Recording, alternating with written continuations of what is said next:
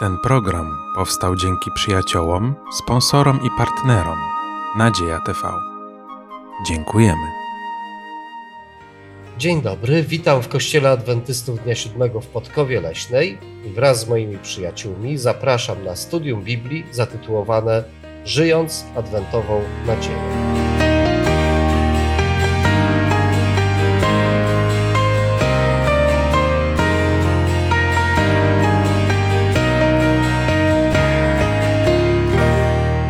Mam na imię Remigiusz, a dzisiaj razem ze mną są Taras, Dawid i Mariusz. Zanim zaczniemy rozmawiać, zanim zaczniemy dyskutować, chcemy w modlitwie poprosić o Boże prowadzenie.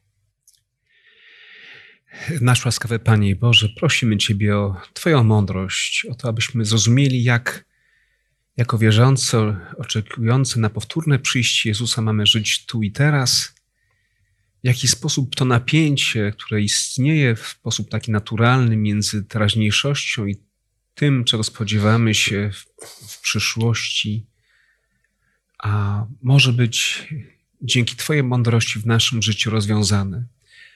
Panie Boże, błogosław wszystkich uczestników tego studium, wszystkich, którzy dzisiaj są razem z nami poprzez internet. I niech to studium przyniesie nam jak najwięcej pożytku i pewności w naszym chrześcijańskim życiu. Prosimy Ciebie o to przez imię Twego Syna, naszego Pana i Zbawiciela, Jezusa Chrystusa.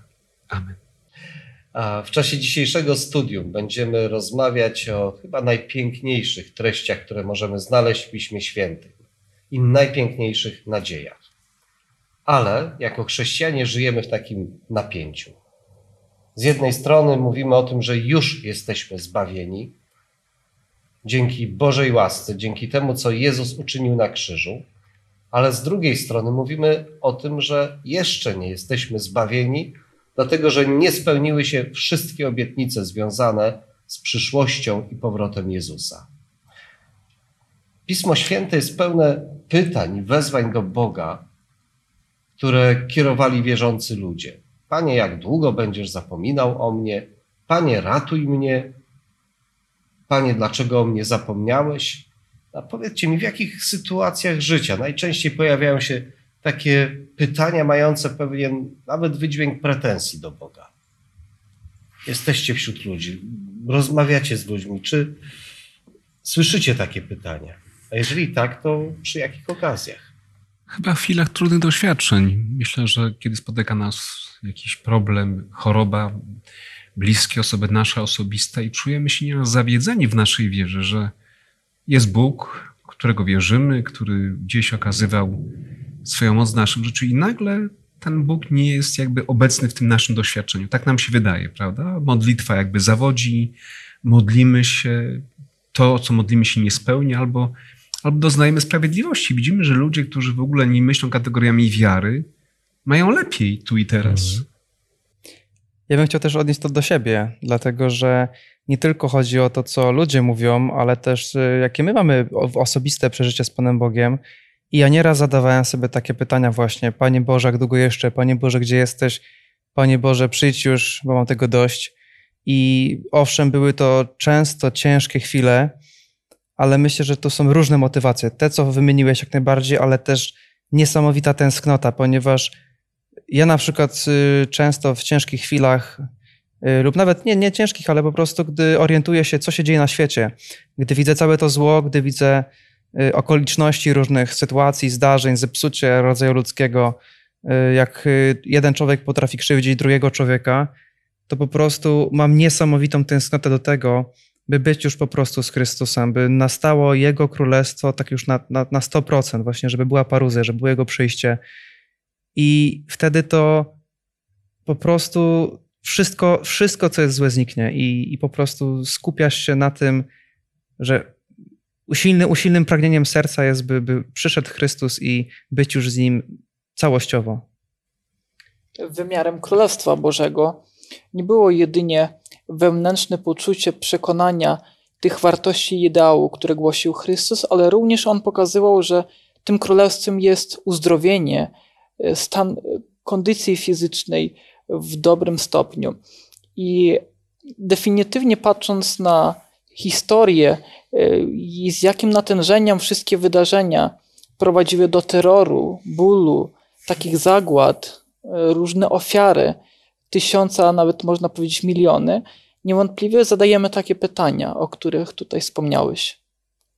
Pan Bóg i tak zrobi to, co zaplanował, zrobi swoje. Niezależnie także od tych dramatycznych pytań, które e, dzisiaj także ludzie kierują do Boga w różnych trudnych sytuacjach, ale jest także coś, co jest do zrobienia z naszej strony, żeby te obietnice się w pełni wypełniły. Zapraszam do przeczytania Ewangelii Łukasza, 18 rozdziału, 8 wiersza, gdzie Pan Jezus w kontekście swojego przyjścia, wydarzeń eschatologicznych zadaje pewne bardzo ważne pytanie. Właśnie, bo albo w ciężkich doświadczeniach mamy takie dwa zakończenia. Albo nas to do Pana Boga zbliży, albo poddamy się w tym, nie zaufamy Mu, nie przejdziemy tego doświadczenia z Nim i nas to w jakiś sposób zniszczy, wygasi nas.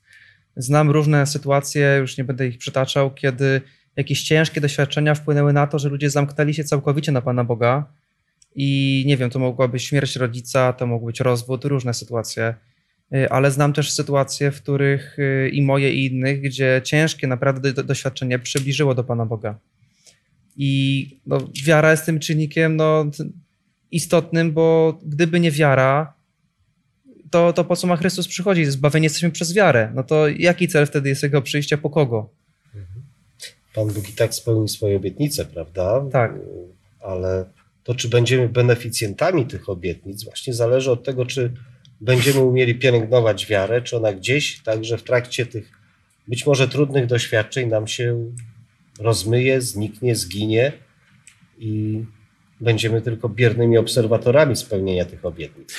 To może właśnie w tej historii, bo ten wiersz podsumowuje historię e, pewnej wdowy, która była zdesperowana i ona nie poddawała się zniechęcań, mimo że sędzia nie brał jej w obronę i długo czekała, ale była w swojej wierze a, zdesperowana i nie poddawała się i w końcu doczekałaś się spełnienia. Więc myślę, że podobnie czasami nasza wiara jest taka wiarą krótkoterminową. Coś ma się zadziać, nie stało się, więc Panie Boże, yy, czuję się oszukany przez Ciebie, Panie Boże, gdzie Ty jesteś, prawda? Jednak ta wiara oznacza też pewną, pewną wytrwałość w nadziei, w oczekiwaniu. Tak jak w sprawach codziennego życia. Chociażby. odnoszą ci, którzy potrafią być wytrwali, którzy potrafią dobijać się, a prosić, a nie zniechęcać rozczarowaniami. Nieraz można usłyszeć, że e, kobiety mówią, że lubią mężczyzn pewnych siebie. E, I z tego wynika prosty wniosek, że e, tak jak mężczyzna zakochany w kobietę jest pewny tej miłości, podejmuje kolejne działania i czyni w tym kierunku i rozwija tą miłość, tak samo podobnie jest z miłością i pełnością właśnie do naszego Boga. Kiedy jesteśmy pewni, to wiemy, jak iść w stronę Boga, jakie decyzje podejmować, na czym budować, i, i wtedy to nasze życie staje się takim pewnym. Teraz poproszę Was, żebyście dokończyli zdanie, ale na zasadzie takiej pierwszej myśli, która się pojawi. Mam nadzieję, że, albo mam nadzieję na. Pierwsze skojarzenie. Dobry koniec. Dobry sen. Dobry sen. Dobrą emeryturę w niebie. Dobrą. No, myślałem, że tak będziecie myśleli jakimiś kró- bardziej krótkoterminowymi pojęciami. Ja mam nadzieję na dobrze zdany egzamin. A, zobaczcie, są różne nadzieje, prawda? Są różne nadzieje. Ktoś ma nadzieję na to, że dostanie podwyżkę, a ktoś inny ma nadzieję właśnie na udane zakończenie studiów czy dobrze zdany egzamin. Ktoś inny ma nadzieję na to, że jego ulubiona drużyna sportowa odniesie zwycięstwo. Co się dzieje, kiedy te nadzieje się spełnią? Takie krótkoterminowe. No jest to na pewno radość. Jest. Mhm. Jak długo? No właśnie, aż, aż się spełnią. W tym momencie już ta nadzieja przestaje być nadzieją, staje się obecną rzeczywistością. rzeczywistością. Kolejne, kolejna nadzieja, kolejne marzenie. Aha. Nadzieja powszednieje, prawda? Staje się czymś oczywistym w życiu. I teraz, żeby odczuwać pewnego rodzaju radość, trzeba znowu budować sobie jakieś nadzieje i dążyć do tego, że aż one się spełnią. A one później znowu powszednieją i tak ciągle, prawda? To chyba pokazuje, że w życiu trzeba mieć jakąś wyższą nadzieję ponad te takie krótkoterminowe, krótkodystansowe, które dają satysfakcję na chwilę, a później a, przestają już cieszyć i trzeba szukać czegoś innego. No to rozmawiajmy o tej największej nadziei, która jest ponad radości, ale także i ponad no, niepowodzenia. Co może być taką największą nadzieją, jaka może być? No już myśląc kategoriami biblijnymi, to oczywiście nadzieja powtórnego przyjścia Jezusa została tutaj bardzo mocno w Biblii wyeksponowana.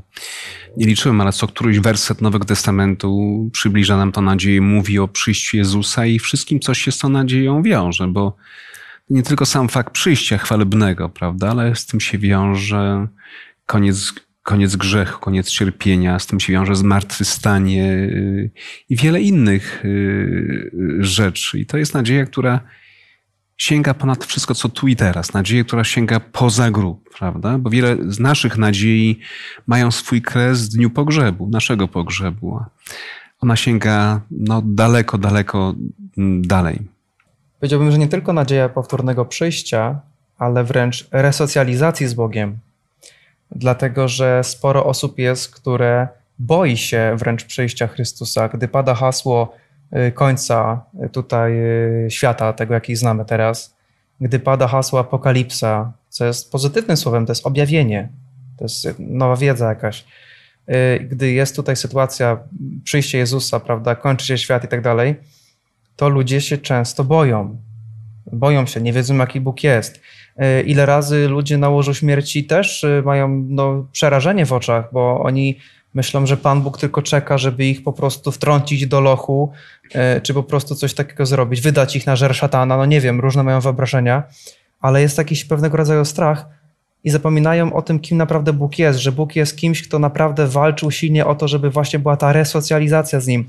On chce nas przywrócić do społeczności z sobą, na nowo odno odnowić odnowić raj, a raj to jest tam, gdzie jest obecność Pana Boga. To jest definicja raju. I to jest takie niesamowite w Panu Bogu, że On nigdy nie zawodzi i gdy się naprawdę już Go pozna, znaczy będziemy Go poznawać wiadomo przez całe życie, e, przez wieczność, ale gdy pozna się już chociażby w, tak w podstawie Pana Boga, przeżyje już się z Nim pewne jakieś doświadczenia, cięższe, lżejsze, może zbuduje się doświadczeniami innych, i ma się ten obraz Boga, który jest miłujący, który jest troskliwy, który jest po prostu no, idealnym ojcem, idealnym przyjacielem, idealnym stwórcą, idealnym królem. No, na wielu płaszczyznach jest po prostu idealny. To, to jest, jest ten uśmiech na twarzy, gdy się o tym pomyśli.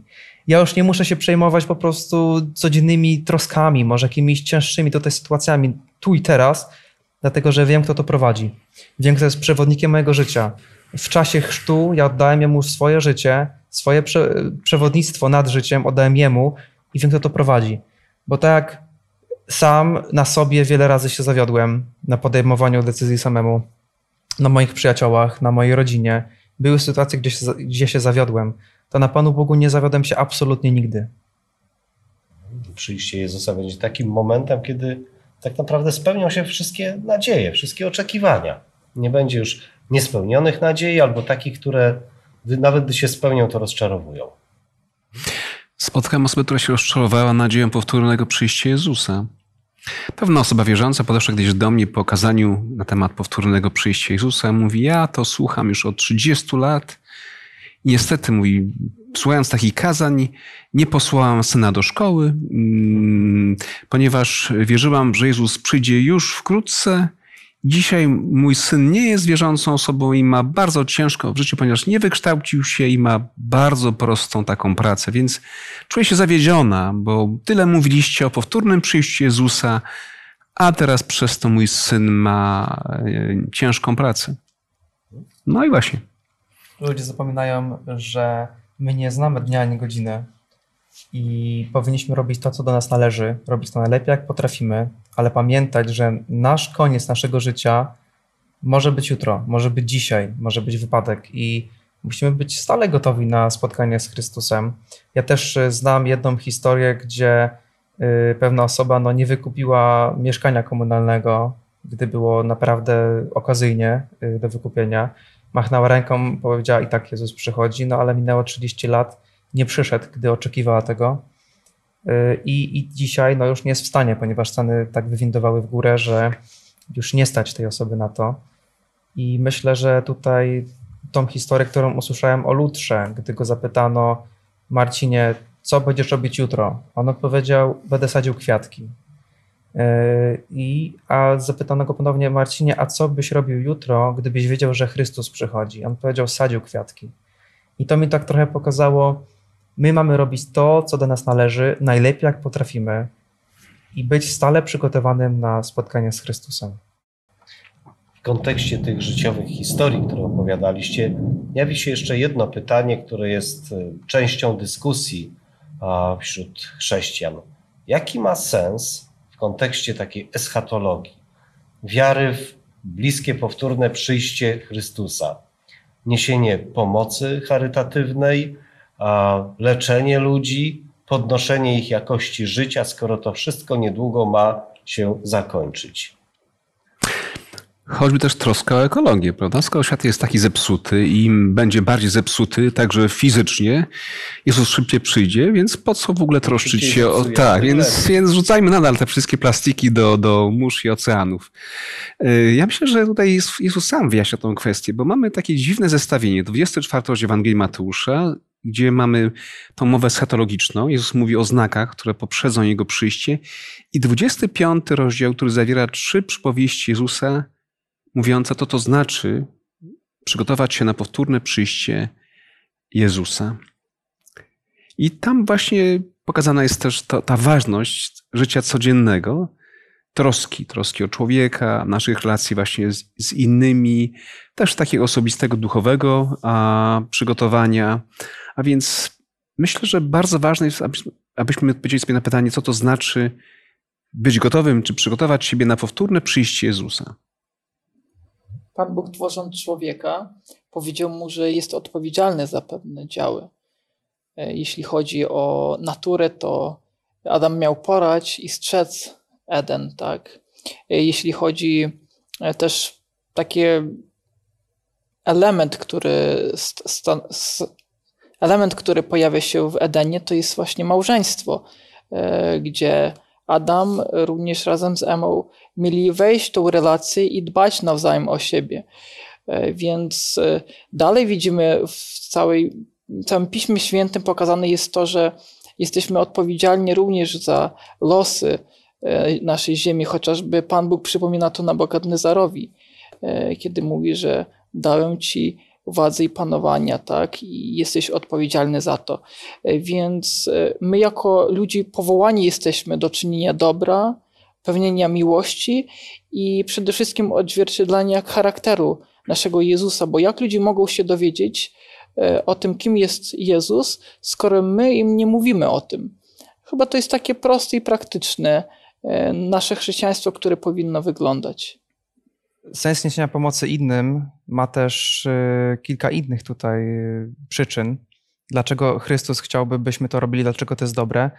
No, przede wszystkim myślę, że Jezusowi zależy na tym, byśmy dbali o siebie nawzajem. On uczy nas społeczności z sobą, co nieraz pokazał w swoich czynach i słowach y, w Ewangeliach. Yy, zależy mu na trosce, na, na takiej socjalności, co też pokazał w prawach Starego Testamentu, jak yy, dbali ludzie o siebie, o siebie nawzajem, te wszystkie przepisy, które stworzył. Ale pytanie jest, yy, dlaczego Chrystus nie może zrobić tego sam? Przecież zrobiłby to dużo lepiej.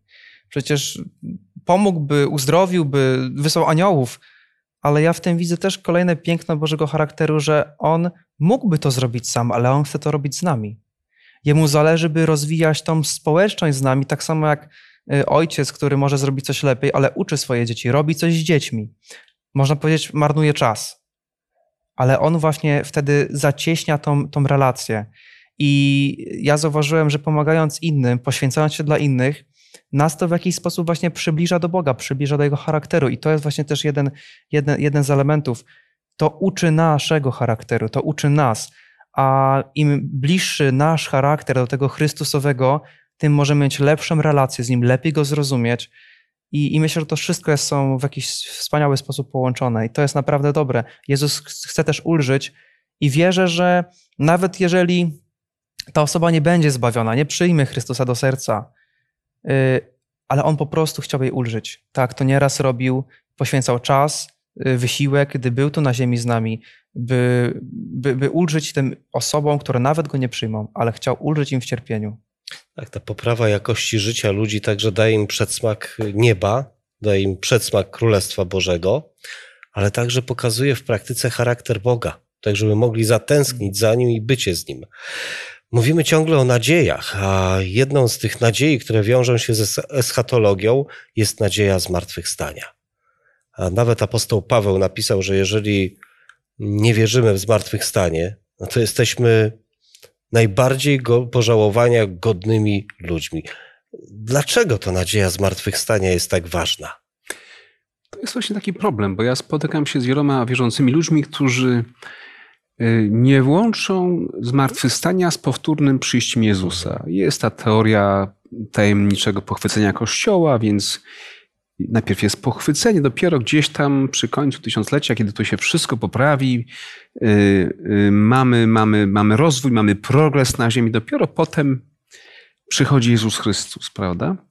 W Nowym Testamencie za każdym razem, kiedy, a może inaczej, może w wielu miejscach, kiedy mowa jest o powtórnym przyjściu Jezusa, zawsze jest powiązane z nadzieją zmartwychwstania.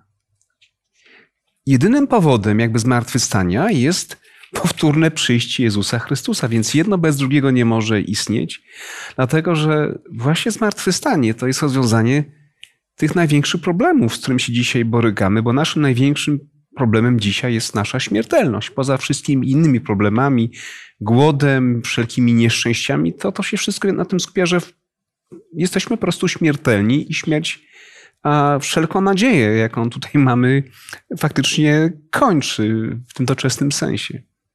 Chrześcijanie z Tesalonik byli rozbudowani w nadziei i miłości. I nawet Paweł na początku w pozdrowieniu podkreśla, że e, pamięta o nich, pamięta o tym dziele wiary, o tej nadziei, którą mieli, ale w życiu Tesaloniczan pojawił się pewnego rodzaju niepewność, kiedy pytali Pawła o pytanie, a co z tymi, którzy nie doczekali przyjścia powtórnego Jezusa Chrystusa za, za życia i umarli. I to zrodziło gdzieś tam niepewność. I apostoł Paweł, e, tłumacząc im to w czwartym rozdziale, podkreśla, że skoro Jezus umarł, zmartwychwstał, to również potrafi i wzbudzić z martwych tych, którzy zasnęli w Chrystusie, czyli ci, którzy kontynuowali i pielęgnowali tą relację z Nim i na pewno oni nie będą pokrzywdzeni, na pewno mają nadzieję na zmartwychwstanie i doczekania, aby użyć tego Zbawiciela. Więc uważam, że to jest mocno związane z tym e, dziełem Jezusa Chrystusa na krzyżu, bo jeśli nie wierzymy w zmartwychwstania eschatologiczne, to tak naprawdę e, okazuje się, że ta ofiara Jezusa Chrystusa nie pokonała śmierci i nic nie rozwiązała w naszym życiu. Mówimy o pomaganiu potrzebującym, a także w kontekście zmartwychwstania, czy zmartwychwstanie w kontekście tego pomagania potrzebującym. Niedawno prowadziłem pogrzeb, a pogrzeb młodej osoby. Mężczyzna, 38 lat, nagła śmierć. Mm, gdy prowadziłem uroczystość pogrzebową, kościół był wypełniony młodymi ludźmi, jego najbliższymi, przyjaciółmi, rodziną. I cóż w takiej sytuacji można powiedzieć, prawda? Coś, cóż można powiedzieć takiego, co by ludziom, którzy przeżywają taką niespodziewaną a, żałobę, mogło im dać jakąś nadzieję i podnieść na duchu. No właśnie ta wizja zmartwychwstania. Wizja tego, że na tym życiu nie kończy się wszystko. Możemy pomyśleć o matkach, które a, znajdują się przy łóżkach swoich dzieci chorych na nowotwory. I widzą, jak te dzieci gasną, a w końcu odchodzą. Jakież pocieszenie można dać? Jedynie wspomnienia, zdjęcia, dobre myśli, które pozostają? No całe szczęście, że jest coś o wiele większego. Jest nadzieja zmartwychwstania, nadzieja życia wiecznego, wtedy, kiedy przyjdzie Pan Jezus i ludzie, którzy rozstali się w dramatycznych okolicznościach, będą mogli się znowu spotkać. I właśnie spójrzmy na sytuację chrześcijan, gdzie my rozumiemy, że ta śmierć ludzka tutaj na ziemi to nie jest śmierć, jest nazywana Mhm. snem często przez nawet Jezusa, tak? Gdy mówił o, o Łazarzu. Y, Śmierć nazywana snem i chrześcijanin, który naprawdę pozna Pana Boga, pozna ten temat, zrozumie go duchowo, to on jest świadomy tego, że prawdziwa śmierć zaczyna się z momentem odrzucenia Chrystusa. I nawet czytam z przykładu Nowej Biblii Gdańskiej. Filipian 1:21. Gdyż życiem jest dla mnie Chrystus, a umrzeć jest korzyścią. I dalej, ale skoro żyję w cielesnej naturze, to dla mnie jest korzyścią z pracy, więc nie wiem, co sobie wybrać.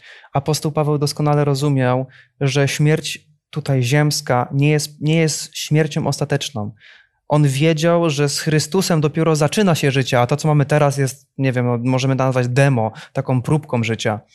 I, I zdawał sobie sprawę, że jest tutaj w tym celu, by jak najwięcej ludzi uświadomić w tej, w tej kwestii.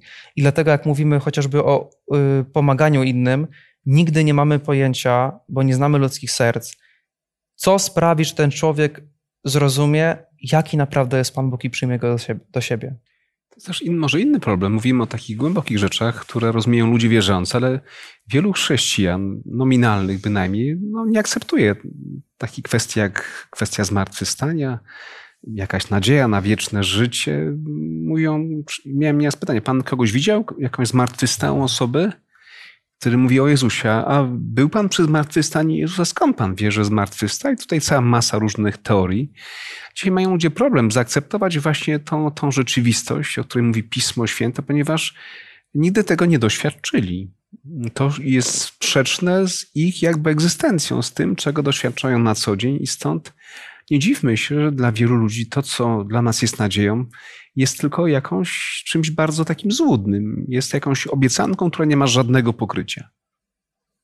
Mamy kolejny aspekt e, eschatologii. Sąd. No to spróbujmy teraz sobie poukładać, jaki może mieć Mhm. e, związek sąd Boży, który właśnie niejednokrotnie kojarzy się ze strachem, z pomaganiem tym, którzy są w potrzebie. Mam nadzieję, że nam tutaj pomoże mądrość Salomona, a księga Kocheleta.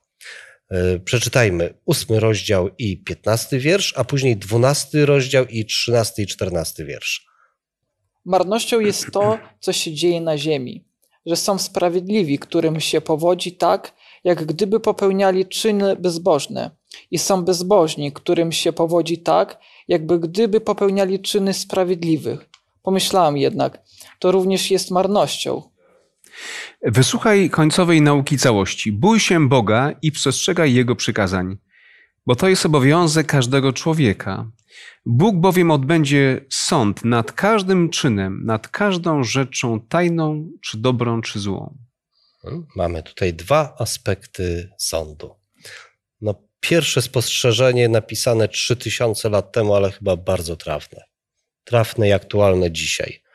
Że wszystko jest ulotne, że zdarzają się ludzie, którzy są uczciwi i którzy bardzo cierpią, i zdarzają się ludzie, którzy są nieuczciwi, a powodzi im się dobrze. I pewnie spotkaliśmy takich ludzi. Ja nieraz y, rozmawiałem z osobami bezdomnymi. Kiedy pytałem o ich historię i wierzę, że mówili mi prawdę, no to ich los był uzależniony od tego, taki zły los, od tego, że ktoś ich kiedyś skrzywdził, ktoś ich kiedyś oszukał, a ktoś wydał nieodpowiedni wyrok i znaleźli się dosłownie na ulicy. Jaką nadzieją dla takich ludzi może być Boży Sąd?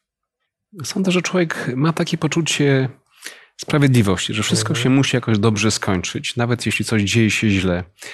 Jest wiele zagadek e, odnośnie sprawiedliwości, ponieważ my wierzymy w taką prostą regułę życia, że co człowiek się, to i rządź będzie. Zresztą biblijną regułę życia. Tylko w tej rzeczywistości ona często się nie sprawdza. Często jest dokładnie odwrotnie. Człowiek coś innego sieje, coś innego zbiera, tak? Y, Jest uczciwy, jest prawdomówny, zbiera krytykę, zbiera y, jaką, jakieś negatywne często opinie, jest niezrozumiany. I odwrotnie. Jest, chodzi na skróty, jest nieuczciwy i z tego czerpie korzyści różnorodne.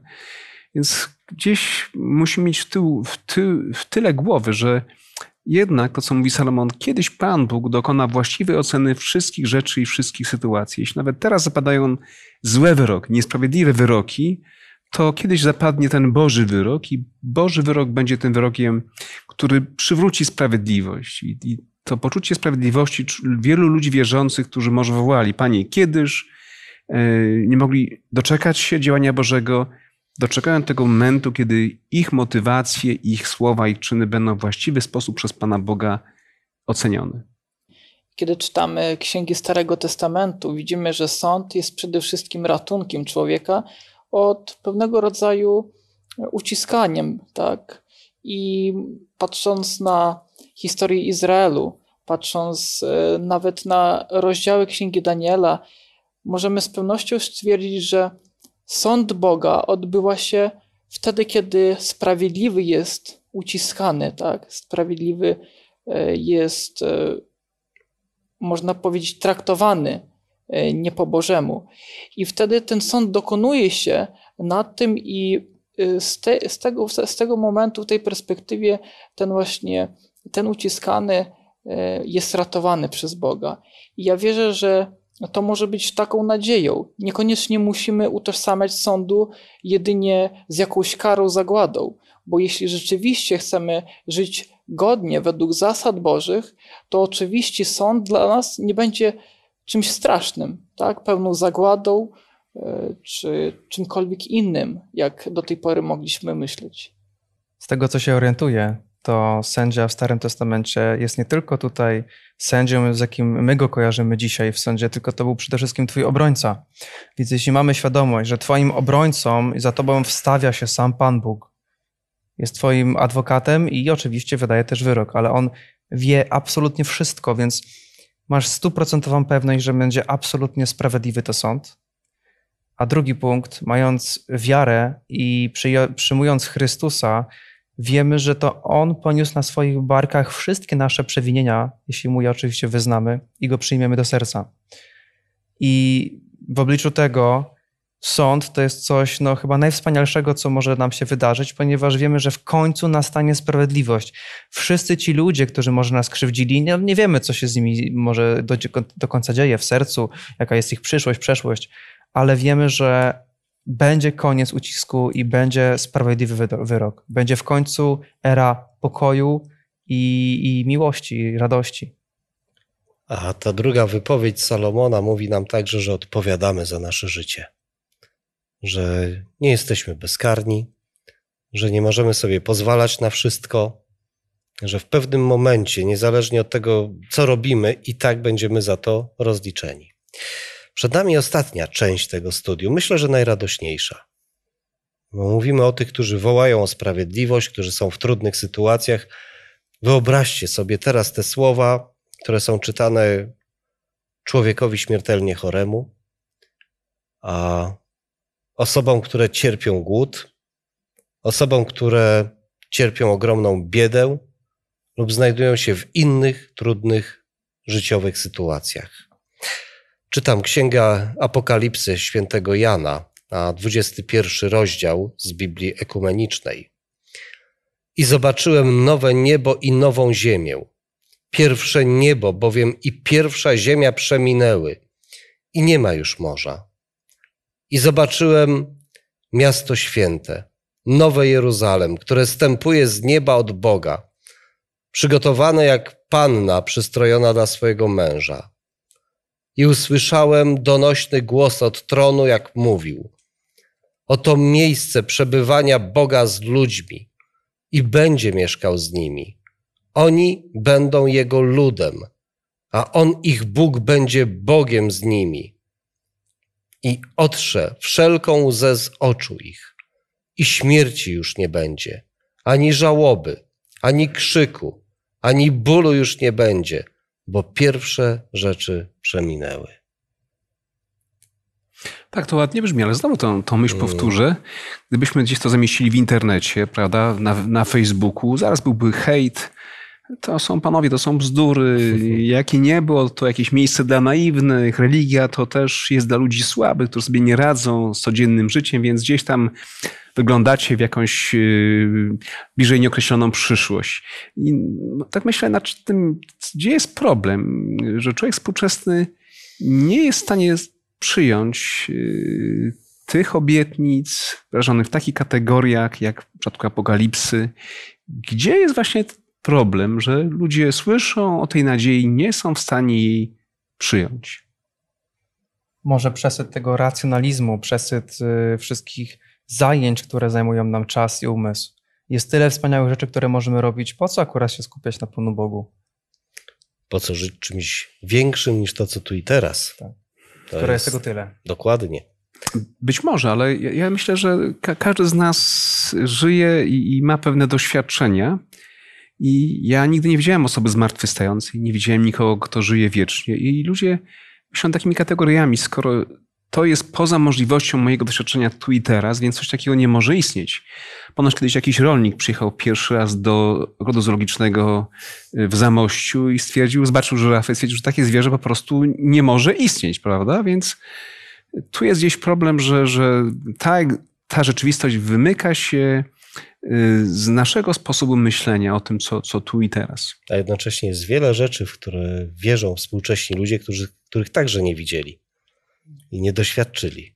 Do Ale... czasu, gdy zobaczymy autentyczną, działającą moc Pana Boga, to może być moc działająca na serce, zmieniająca nas, to może być coś, co zauważymy w innych. Ile razy słyszę e, przykłady chrześcijan, gdzie rodzice nie poznają swojego syna po, po paru latach, ponieważ nawrócił się i stał się mhm. zupełnie nowym człowiekiem, ale to też mogą być takie naprawdę natychmiastowe cuda. Ja miałem pęknięty kręgosłup, po trzech dniach był nowy. I mhm. to są spektakularne rzeczy, które się czasem dzieją w naszym życiu, gdy my zawierzymy Panu Bogu, oddamy to w modlitwie. Pan Bóg ma tylko mądrość, On wie, co zrobić najlepiej i, i w taki sposób też działa. Gdy Jezus był na ziemi, działał cudami, działał słowem, działał swoim charakterem, swoją czułością. Myślę, że musimy się modlić do Pana Boga. Panie, w jaki sposób możemy pokazać Ciebie innym? Jeśli mogę, to jeszcze jedna kwestia. Ważne jest to, w jaki sposób mówimy o tej nadziei, bo nieraz bierzemy w zbyt taki prosty sposób, na zasadzie jedno do jednego. Mówimy o złotych ulicach, prawda? A ludzie mówią, nie wiem, jesteśmy bardziej zainteresowani jakimś zielonym trawnikiem, gdyby był w niebie.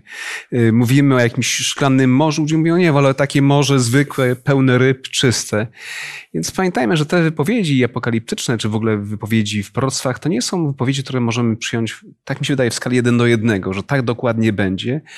Bardziej poszedłbym za apostołem Janem, który miał problem, by tę rzeczywistość opisać i nie mówi o tym, co będzie, ale mówi o tym, co tam, czego tam nie będzie. I mówi o tym, że tam nie będzie śmierci, Wiem, co to jest śmierć, widziałem wielokrotnie, że nie będzie bólu. Wiem, co to jest ból, doświadczyłem go całkiem niedawno.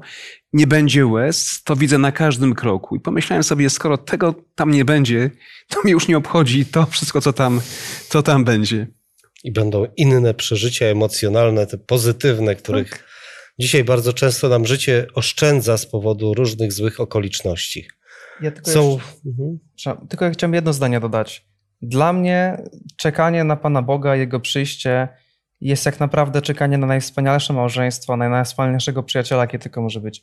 To jest takie, no nie widziałem się mnóstwo lat i w końcu się widzę. Y, czekam na, na żonę i w końcu, w końcu na, na, nachodzi ten dzień ślubu, połączenia. Dla mnie to jest właśnie to i tylko ludzie nie rozumieją, że w Bogu można mieć naprawdę przyjaciela. Są ludzie, którzy dzisiaj wzdychają i mówią, jak długo jeszcze. Ale Pan Bóg swoje obietnice spełni, a do nas należy wiara w to, że te obietnice zostaną spełnione i przyjdzie całkowicie inna rzeczywistość, gdzie Bóg dokona sprawiedliwych sądów i wyrówna wszelkie niesprawiedliwości, gdzie zmartwychwstaną ci, których dzisiaj żegnamy z bólem, krzykiem i łzami, gdzie zostanie odnowiona całkowicie rzeczywistość. I to jest nadzieja, którą warto pielęgnować, i to nie jest jakaś naiwna nadzieja, ale to jest rzeczywistość, która się spełni. Chciałbym zaprosić także na następne studium zatytułowane Umiłowanie, Umiłowanie Miłosierdzia. A kończąc to spotkanie, pomódlmy się. Kochany, wszechmocny Boże, drogi Ojcze, Jezusie, dziękujemy Ci za to, że oddałeś za nas swoje własne życie. Dziękujemy Ci za to, że przelałeś krew i otworzyłeś ramiona do nas, Panie, byśmy mogli przyjąć Twoją ofiarę. Panie, dziękujemy Ci za to, że jesteś naszym sędzią, naszym wybawieniem, naszym obrońcą. Panie, dla ludzi może się to wydawać abstrakcyjne, dziwne, że my w Ciebie wierzymy, ale Panie Boże, daj nam mądrości, daj nam możliwości, by tym wszystkim ludziom wokoło ukazać prawdziwego Ciebie, byśmy mogli sami rozumieć Ciebie każdym dniem lepiej, pojmując lepiej Twoją miłość, troskę, doświadczając Ciebie każdego dnia. I Panie, byśmy mogli to wszystko przekazać tym innym ludziom, byśmy mogli wzajemnie się budować. Daj nam, Panie, wiary, zaufania, daj nam, Panie, kolejnych doświadczeń z Tobą, może i ciężkich, Panie Boże, ale daj nam pamiętać, że życie chrześcijan- chrześcijanina może jest i ciężkie, ale żebyśmy pamiętali, jaka będzie emerytura. Panie, dziękuję Ci za to, że Ty doświadczasz, doświadczasz właśnie nas i dajesz nam wspaniale, wspaniałe błogosławieństwa każdego dnia. Zmieniaj nas, kształtuj nas, dawaj nam pamiętać o tej wizji przeszłości, o tym braku właśnie cierpienia, braku śmierci. Spraw, żeby to było realne w naszych umysłach, ale też wszystkich, którzy słuchają może tego naszego rozważania. I Panie Boże, każdemu, który otworzy Twoje słowo, niech to będzie wszystko, Panie, na Twoje wywyższenie, na, Twoje, na Twoją chwałę, przez najdroższe imię Chrystusa Jezusa. Amen. Amen.